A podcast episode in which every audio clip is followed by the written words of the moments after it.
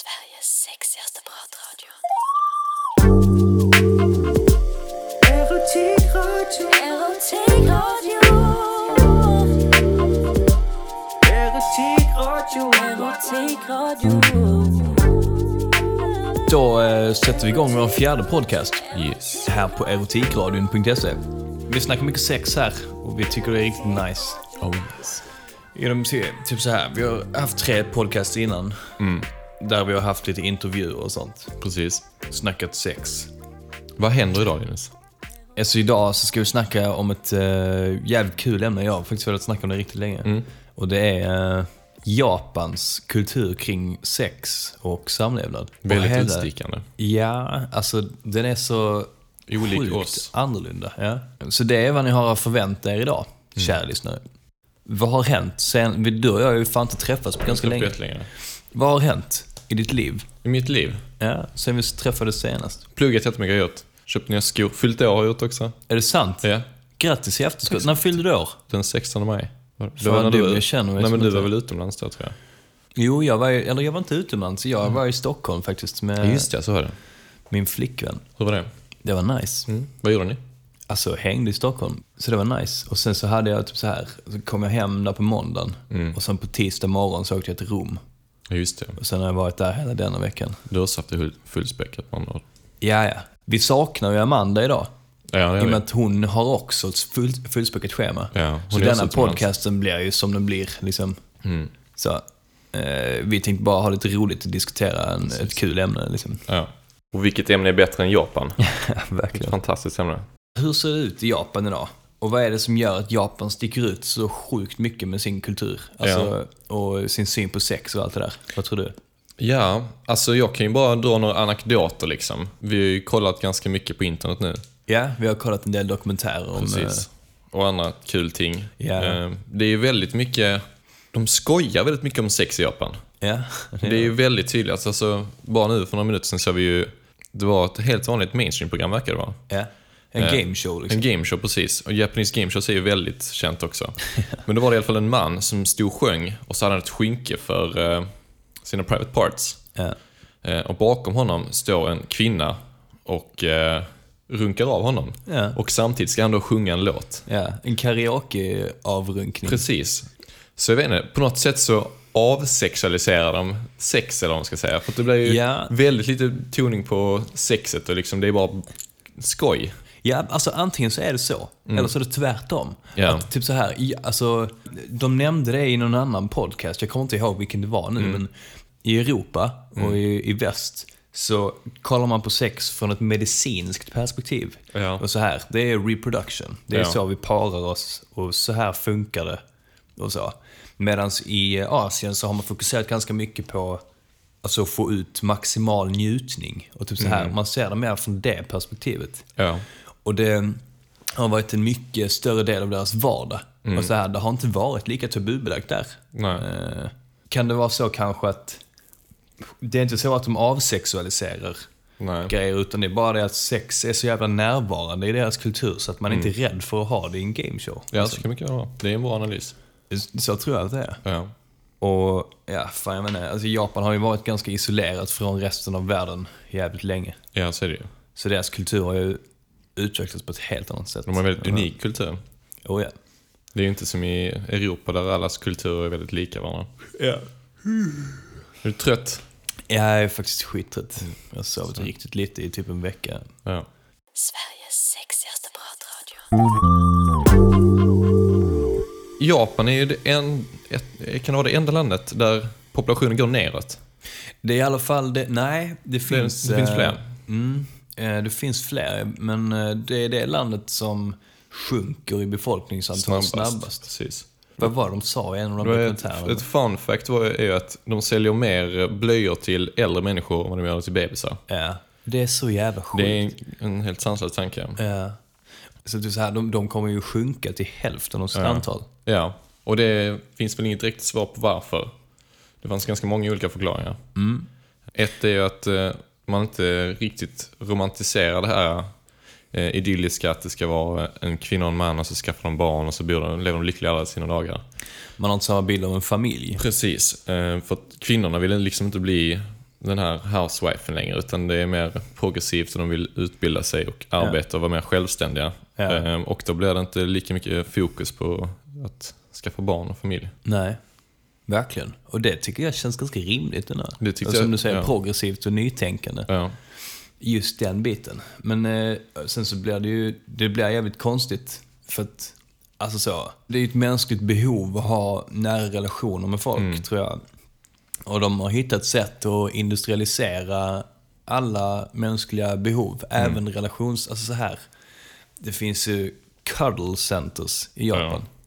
Eller cuddle cafés. ja. Som en av de här killarna i den eh, dokumentären besökte. Mm.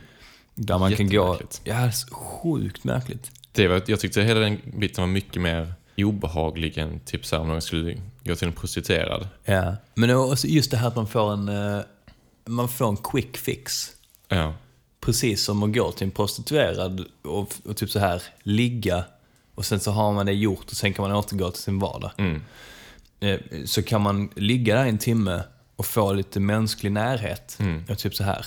Hon klappar dig och eh, petar dig i håret och sånt och ni Precis. kollar varandra i ögonen. ja. Så betalar du liksom 500 spänn och sen så, Sen är det on your way. ja. Det är jättemärkligt. Det är så sjukt alltså. För oss. Ja, ja verkligen. Det är en del av deras vardag. Eller kanske inte, jag vet ju inte riktigt. Jag kan inte svara på det egentligen. Jag vet inte hur många av, av de här, om det bara är de här extremfallen man ser, att det kanske inte alls är så att folk går dit. För att jag vet i dokumentären så sa de också att det var väldigt mycket stamkunder så att säga. Ja, Så det kanske inte är så utbrett utan att det är en mer eh, specifik subkultur. så kanske det är. tror du inte det är så hos prostituerade också? Jo, Det tror jag. det tror jag absolut. Alltså även här typ i eh, Europa. Liksom. Det tror jag absolut. Eh, någonting jag noterade också var att synen på vet du det, det som är vackert i Europa är inte alls lika attraktivt i Japan. Ja, det är ett annat skönhetsideal. Precis. Eh, jag vet att i så här japanska popband till exempel så har de istället för att ha fyra killar så har de typ 12 stycken. Och så har de då olika klasser. Så där är en som är väldigt trendig och så klassiskt snygg. Sen så har de en lite mullig kille med glasögon som är datornörden. Va? Ja, det är helt sant. Och sen så, de har, vä- ja, väldigt många olika stilar. Ja. För att då, de ska pricka in alla stereotyperna som tjejer gillar.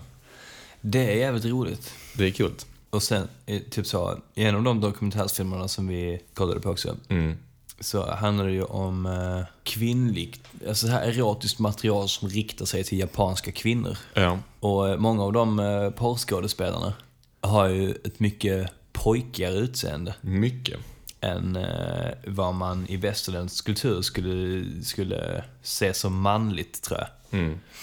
Och Så här, du ser ju typiskt manlig ut. Jag har skägg. Ja, du har skägg och eh, du är ganska välbyggd också. Mm. Och du har mörkt hår. Mm. Eh, stora läppar, liksom. Mm. Det går nog inte hem lika bra i Japan. Nej, jag tror tyvärr inte det. Nej. Och du gillar ju asiatiska tjejer också. Jag tror, jag tror nog tyvärr att jag skulle få med tjejer, för att jag är mycket mycket mer- pojkigare ja. utseende. Ja. Liksom. Men jag vet, det finns en eh, känd man i Japan som är stor MMA-fighter Ja. och fotomodell. Okej. Eh, han heter Toshiro, Toshiro Akiyama. Toshiro Akiyama. Toshiro Akiyama. Och han kallas för Sexyama. Men han är väldigt maskulin. Eh, Okej. Du kan googla honom för att han, ser, han är väldigt... Han är otroligt välbyggd och sen så är han skäggig också. Så jag tror Men det, vet du vad jag tror kan göra ganska mycket skillnad där? Det är att han, han är ju känd internationellt. Mm, det så kan det vara. Liksom. Skägg verkar inte vara alls lika etablerat i Japan i alla fall som det är i Europa just nu. Nej. Ja, ja, det var ju väldigt mycket så, här, eh, så kallat female friendly Mm. eh, i Japan. Jag såg det hela som, istället för en, eh, en porrfilm där fokusen var på sexet, Ja. så var detta en förspelsfilm nästan. ja, det var det. Eh, och något som jag tyckte var väldigt coolt också var att de här skådespelarna, eh, framförallt männen, eh, som då utför de här filmerna och förspelet, man kunde boka dejter med dem. Ursäkta mig. Ja, det är skitfett. Det tyckte jag var väldigt fascinerande. Så då kunde man gå på en dejt på dem och sen så typ så här. Ja, man gick på en lumpdejt liksom, så pillade ni lite i håret och sen så åt ni tillsammans och matade varandra. det, det är ganska häftigt. Det är Eh, fett. Eh, Att man kan eh, så här, leva ut sin sexuella fantasi om Precis. man har pengar nog. Ja, det är Eh, nog inte billigt nej. Nej. Men typ så här att man betalar för en dejt istället för att, ja så. Mm. Det erotiska materialet som de erbjuder Mm. eh, täcker ju ett mycket större spann än bara sexualitet egentligen. Alltså så här, det är mer fokus på, på relationsgrejer. Mm. Det är som en kärlekshistoria snarare än eh, en sexhistoria. Precis. Det tycker jag är jävligt fett. Det tycker jag också, det är väldigt fascinerande. Och du har en sån, du har en fantasi om en av de skådespelarna då. Mm. Och sen så kan du bjuda ut, eller så här, betala för att gå på en dejt med honom i verkligheten. Så du kan verkligen leva ut din fantasi. Liksom. Det är väldigt häftigt.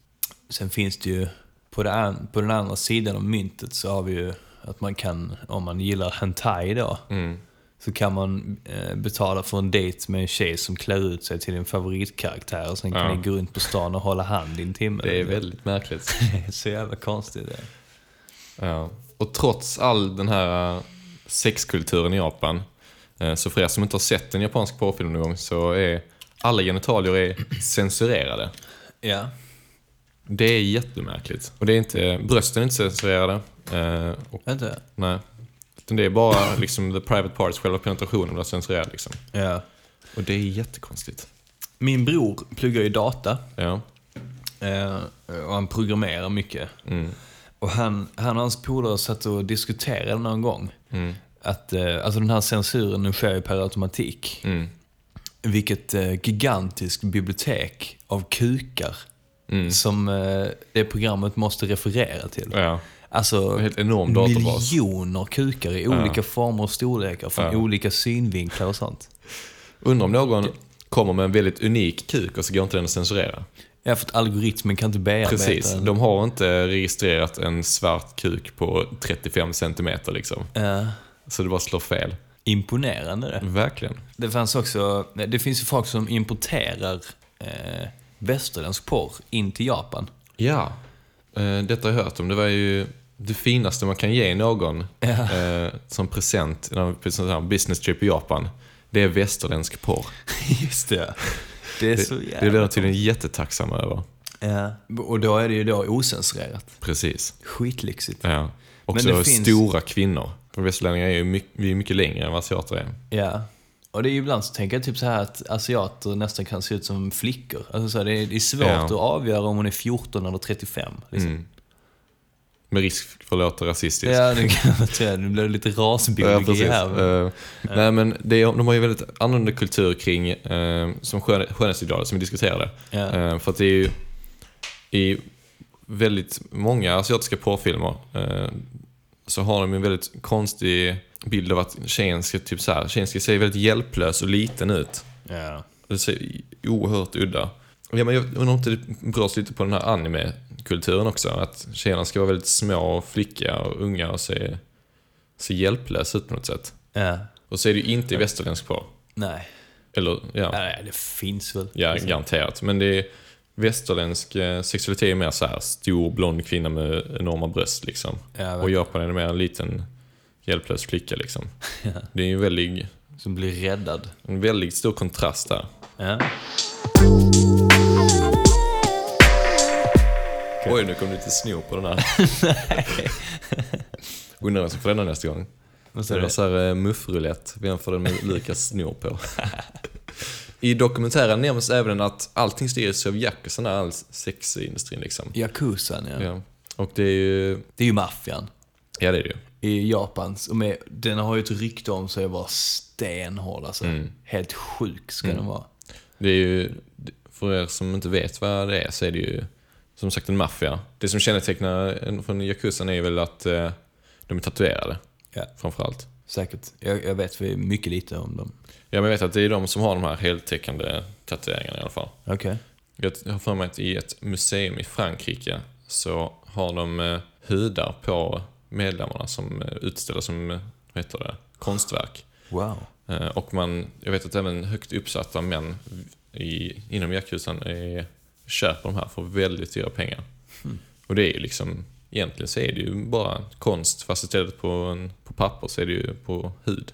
Ja. Och det är ju då de som styr hela den här underground sexindustrin. Ja, det är det. De ska kontrollera alla såna här klubbar. Mm. Hostklubbar. Precis. som de nämnde där. Som vi ska gå in på lite mer Mm. eh, detaljerat senare. Och eh, sen så all olaglig prostitution och sånt också. Mm. Ja, de styr det mesta. Ja, exakt. Det är sjukt det där. Mm. Ja, ska vi diskutera de här hostklubbarna? Ja. De har tydligen någonting som kallas eh, hostklubbar. Mm. Eh, och det innebär att man har en, en person, man eller kvinna, som är en host. Ja, och det är typ så. Alltså, det, det är ju en, en klubb kan man säga. ja, Vad Skillnaden är att du går dit eh, som, som kvinna då. Och, Eller eh, man. Ja, ja, det finns en manlig eh, version också. Men så här, säg att du går dit som kvinna. ja, Och så är det folk som jobbar där mm, som dejter, typ. precis. Alltså hela, typ en dejt. hela grejen går ut på att passa upp dig liksom. Ja. Give you the time of life. Eh, och all fokus är på det liksom. Och så är du på den här klubben. Ja. Eh, och de ja, bjuder på drinkar, diskuterar, snackar med dig. Eh, det är inget sex, utan det är bara liksom, ge dig uppmärksamhet. Bara häng. Precis. Eh, är det inte ännu en gång det här förspelet? På något sätt. Jo, det är det väl. För många är det ju viktigare med det än själva sexet. Mm. Alltså, allt som kommer före sex, det väger väldigt, väldigt mycket tyngre än sexet i sig Mm. själv. Precis. Så romansen, så Ja. att säga. Och det tänker jag känns eh, konstigast att betala för. Mm. Alltså så. Det tycker jag också. Nej, jag vet inte. Det känns som att man betalar för vägen utan destinationen. Ja. Fattar du vad jag menar? Alltså man betalar Ja, ja. för eh, resan dit, men du kommer aldrig dit liksom. Ja, ja, jag fattar vad du menar. Men jag menar mer typ så här att det känns fake. Alltså Mm. det är bara så jävla... Ja, men det är ju inte samtidigt... på riktigt. Det är ju inte prostitution heller i den mån att det är ju inte... Ja, Det är ju liksom inga känslor inblandade, det är bara ett, ett sex. ja exakt. Eh, Men jag fattar vad du tänker, det blir ju Men mycket så tydligare i det här att det inte är... Mm. Att det blir fake liksom. Ja, och jag tänker att eh, en sex eh, är ju för många bara typ så här någonting som man måste, måste göra. Alltså så här, bara som en tömning. Mm. Ja, Liksom. precis. Eller bara en... eh, ja, avlastning. En, ja, en avlastning verkligen. Eh, och det kan jag tänka mig är mycket lättare att betala för. Men Mm. så här, om du ska betala för att någon ska ge dig... eh, betala för känslomässigt utbyte. Det, alltså, ja, jag vet inte.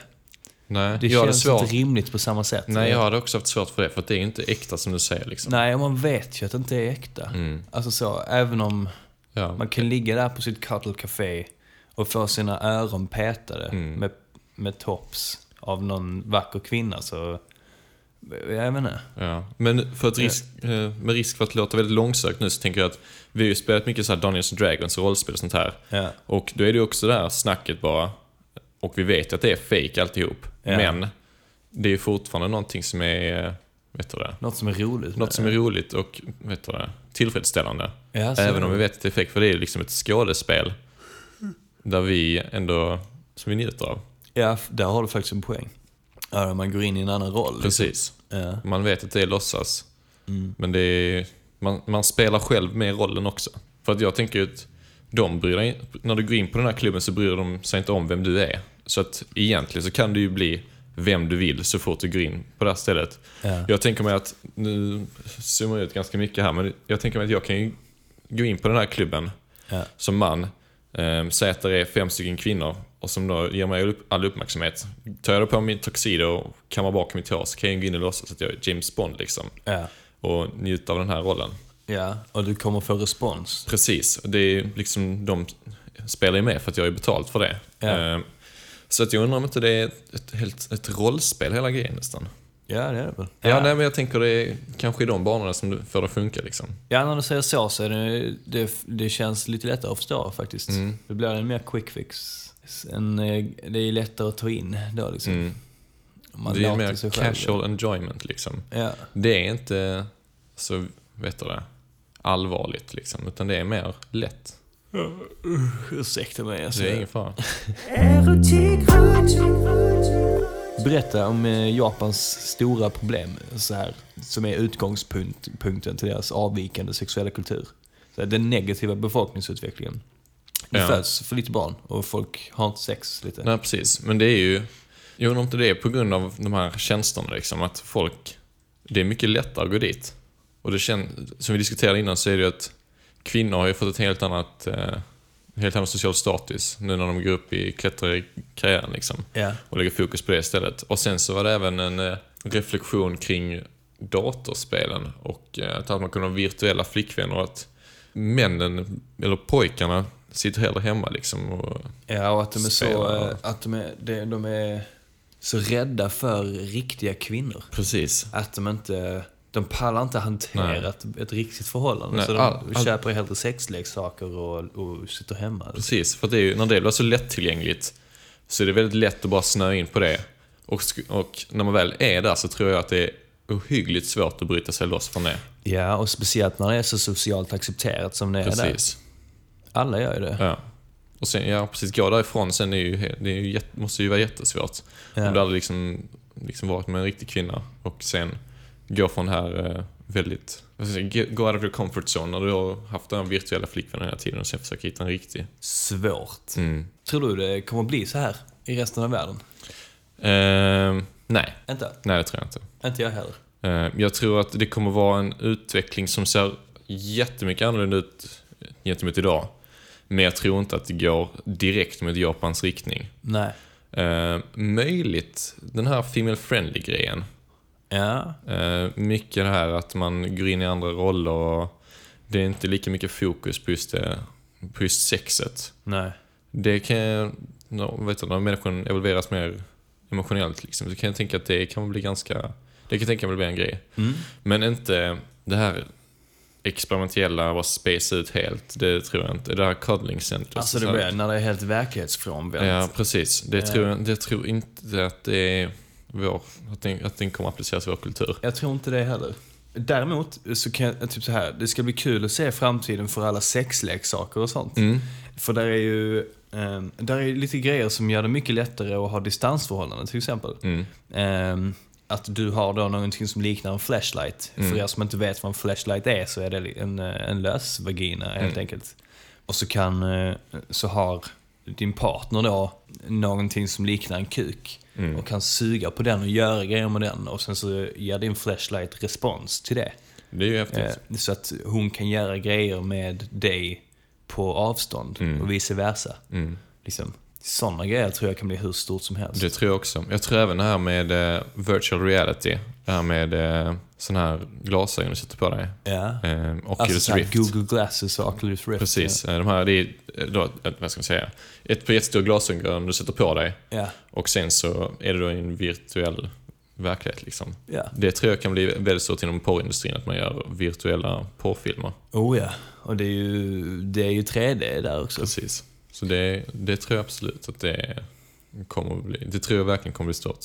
Jag är helspänd. Ja, det hade det blir Alltså- kul att följa utvecklingen i alla fall. Ja, ja, det ska bli nice att kolla på i 3D.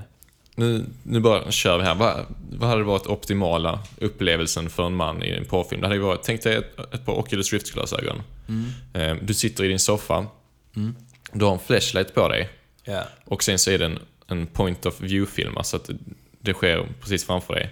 Eh, Så att istället för att, eh, ja hon kanske ser av en man som har eh, själva videokameran i ansiktet. Ja. Det hade ju varit effektivt om man ska säga. Det hade ju varit så nära verklighet man kan komma, eller vad man ska säga. Ja, verkligen.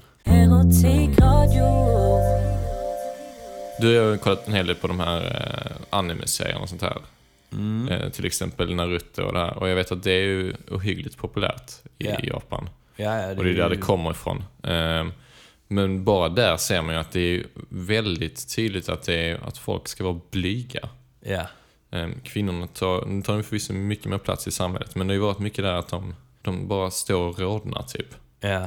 Och det, Så tror jag det är fortfarande till eh, ganska stor... det tror jag också. Och, Ja. och det är ju både killar och kvinnor i de här serierna är ju typ så här, ja, väldigt blyga. Man vågar inte prata. Visst? Och jag tror att det är ju inget recept som leder till sex. Nej. och barn och familj liksom. Är Om folk bara inte- står och blyga och rodnar liksom. Nej. Eh, Och så fort de ser, jag vet att i vilken? Dragon Ball Z-serien, så Ja. fort de ser en kvinna med bröst så får alla näsblod.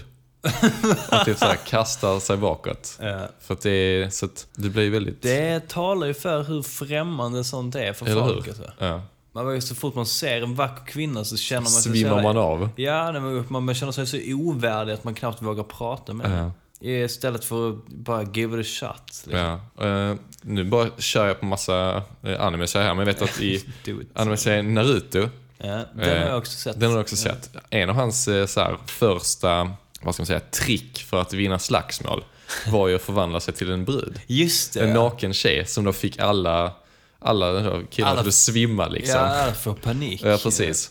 Och det är liksom det tycker jag markerar ganska tydligt av hur, hur främmande sex är liksom för den vanliga människan. Ja, riktigt sex. Ja, ja, precis. Alltså så här, för att de är ju nära sexualitet i Ja. sin kultur. Ja, ja. Men inte så här, actual så fort- sex är så sjukt främmande för folk. Nakenhet. Ja. Det är inte som vi svenskar sitter nakna i bastun hela tiden liksom. Det tror jag inte de... eh, Alltså nakenhet känns väl ganska vanligt också. Det finns ju game shows där det, man är naken. Ja, förvisso, det har du rätt i. Mm. Men sex i alla fall. Mm. Du, det här med att kvinn... Så här, female friendly på och sånt. Mm. Tycker du det är bra eller dåligt? Eh, Jag tycker det är bra. Alltså, det är, finns, finns ett behov där så är det ju klart det ska finnas liksom. Ja. Allting jag tror- handlar, handlar ju om utbud och efterfrågan. Ja, jag, jag tror det finns eh, ganska stor efterfrågan i resten av världen också. Tror jag också. Så kom hit, Mm. Bring it on.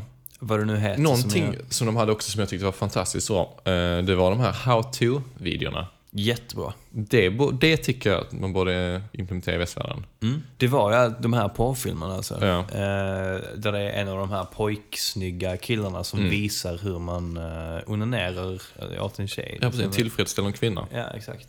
Eh, Och det är ju kunskap som man gärna vill besitta. Exakt. Och det gynnar ju båda parterna. Det slog mig när de, när de visade de eh, manliga, pojkiga porrskådisarna. Mm. Eh, hur de åkte runt på conventions och så här och skrev autografer Ja. och tog, tog, eh, tog bilder med tjejer och sånt. Ja.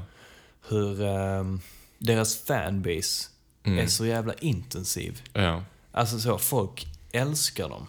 Och folk, eh, tänk att sitta där framme vid, vid det bordet skriva autografer och veta att alla kvinnor i det här rummet Mm. har onanerat till en film med dig. Nå- någonting som slog mig också när vi såg det här, det var att fanbasen där är väldigt normal och varierande. Ja, Det är ju inte exakt. folk som hänger i sin källare när man tänker på folk som går på sån här, eh, jag vet inte, någon påmässa i USA eller någonting där det bara massa feta människor som luktar illa liksom. Utan det är väldigt Ja, varierande människor. Ja, det är det. Det är ju folk mellan, eh, alltså allt från 20 till 50 liksom. Eh, snygga tjejer. Mm. Ja, ja. och Precis, helt liksom- vanliga människor. Ja, exakt. Och så det är ju alla som gör det här. Det är Mm. inte bara folk som är, det är inte basement dwellers bara. Nej, precis. Det, det stämmer ganska hårt. Ja. Tror du det kommer att sprida sig till Sverige? Female friendly-grejen? Ja, Ja. det tror jag också.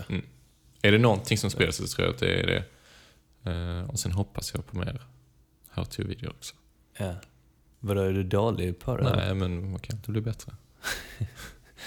Varför pluggar du? Är du dålig eller?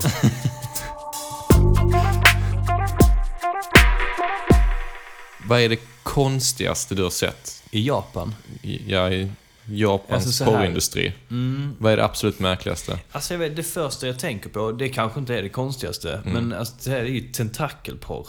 Ja, ja. Det är så underligt. Det är jättemärkligt. Det kommer ju också från den här eh, hentai och anime-grejen från början. Ja, exakt. Ja, Och det sen så har de- konstigt. Så har man börjat göra riktiga porrfilmer då med mm. tentakel... Oh du, jag vet vad det konstigaste är. Ja. Det konstigaste jag har sett. Ja. Både du och jag är ju ganska bevandrade i, i konstiga internetvideos. Ja, eh. Det konstigaste jag har sett, det är en kvinna Mm. som eh, stoppar upp ålungar Okej. i sin röv. Det är märkligt. Ja. Och sen bajsar hon ut ålungar. Mm. Och de flyger ut med ganska hög fart. Så att det bara... Det är, det är det underligaste jag har sett. Det märkligaste jag har sett är, jag vet inte riktigt. Eh, det måste vara där det är en kvinna som är fastspänd på ett bord med sin eh, anal, anal blottad liksom. Ja. Och tre meter bort så står där en annan kvinna som ser ut som en valkyr nästan. Eh, väldigt eh, vet du det, muskulös och eh, kortklippt page. Hon ser, ut, ja, hon ser ut som en valkyr liksom. Okej. Eh, och framför sig har hon en enorm slangbella. Eh, där de skjuter kastanjer. Ja, jag har sett den också. Den Ja. är hemsk Den att är titta på. fruktansvärd.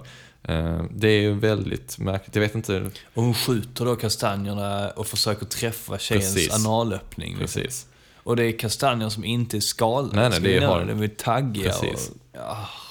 Det är nog, kan vara det märkligaste jag sett. Ja, men det är, och sen så är det ju, det är ju på ett sätt nice att det finns många olika typer av, eh, av porr. Alltså så här, många olika typer av fetischer. För att då, då finns det ju ett, ett utbud för folk som har avvikande fetischer. Mm. Folk som gillar konstiga grejer. Och man, kanske inte gill, man kanske inte visste att man gillade tentakelporr. Så ser man på en film och så bara hittar man Oj, sin ja. sexualitet. Liksom. Mm. Det måste ju vara skitnice. Ja, På det sättet är det ju väldigt bra. mm, det håller jag med. Men tänk er, alltså i Japan, hur vanligt det är att man gillar tentakelporr. Hur vanligt är det med tentakelporr i Japan? Eh, Jag vet inte, men det måste vara ganska vanligt. Alltså här med tanke på hur stort utbud det finns av japansk tentakelporr. Ja. Är det så stort alltså? Att det finns så, så stort utbud? Det kanske det inte gör, det kanske bara är det att det har blivit en grej. Ja, liksom. precis. När jag tänker på konstiga japanska fetischer, Ja, så tänker jag på hentai, tentakelporr. det är det som kommer Ja. rent spontant först. Ja. Vad tror vi om framtiden för Japan då?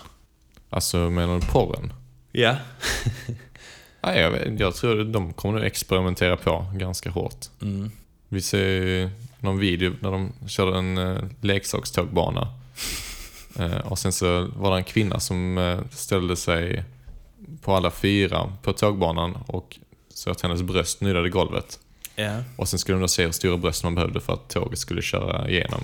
Så det var Kliven. egentligen eh, ett eh, vetenskapligt experiment då, eh, som man bara hade implementerat lite sexualitet i. Ja, mycket, ja, bara experimentera.